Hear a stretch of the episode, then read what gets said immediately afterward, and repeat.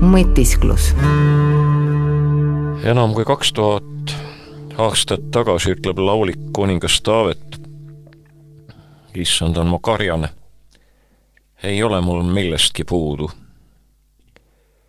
laulik on õnnelik, ta ei ütle, et tal on palju asju ja mõnus ohutu elu.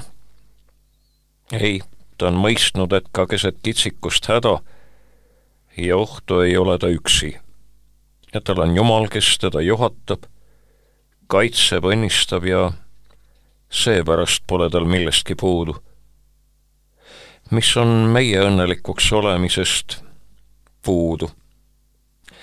Anu Raud on leidnud õnnevalemi. õnnevalemiks on vähenõudlikkus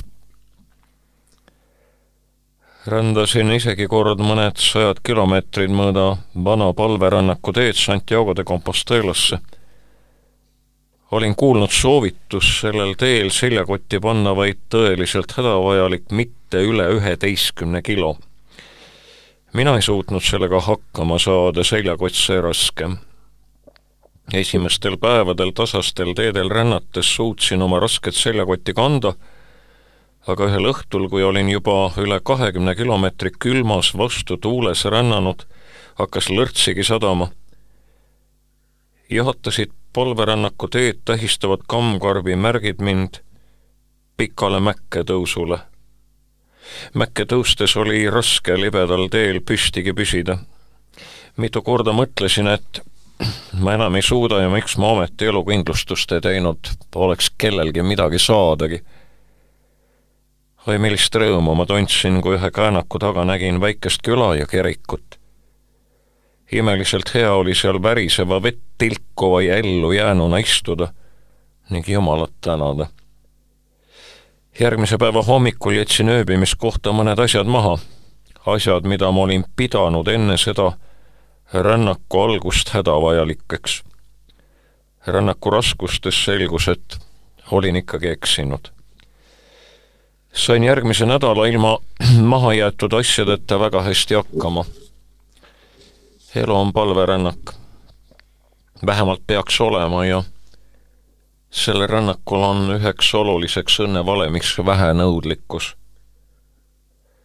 mõned aastad tagasi tühjendasime Tallinna Vabaduse väljaku asuva kiriku lõunasaali alust keldrit kõigest, mis sinna oli viimase kahekümne aasta jooksul kogutud vanad katkised vaibad, gaasi- ja elektripliidid, vaid kahekümne aastaga oli see suur ruum kõike seda maast laeni, neid nii-öelda ehk läheb tarvis, asju täis saanud.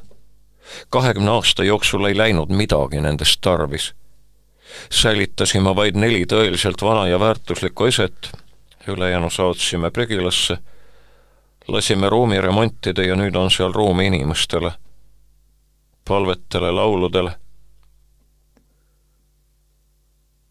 on advendiaeg, see on lühike paastuaeg. paljude jaoks on see pikk palverännak, millel püütakse olla vähenõudlikumad, vähenõudlikumad enda ja loodetavasti ka teiste suhtes. selle rännaku lõpus on ehk hea taibata, et me vajame vähem, kui oleme arvanud.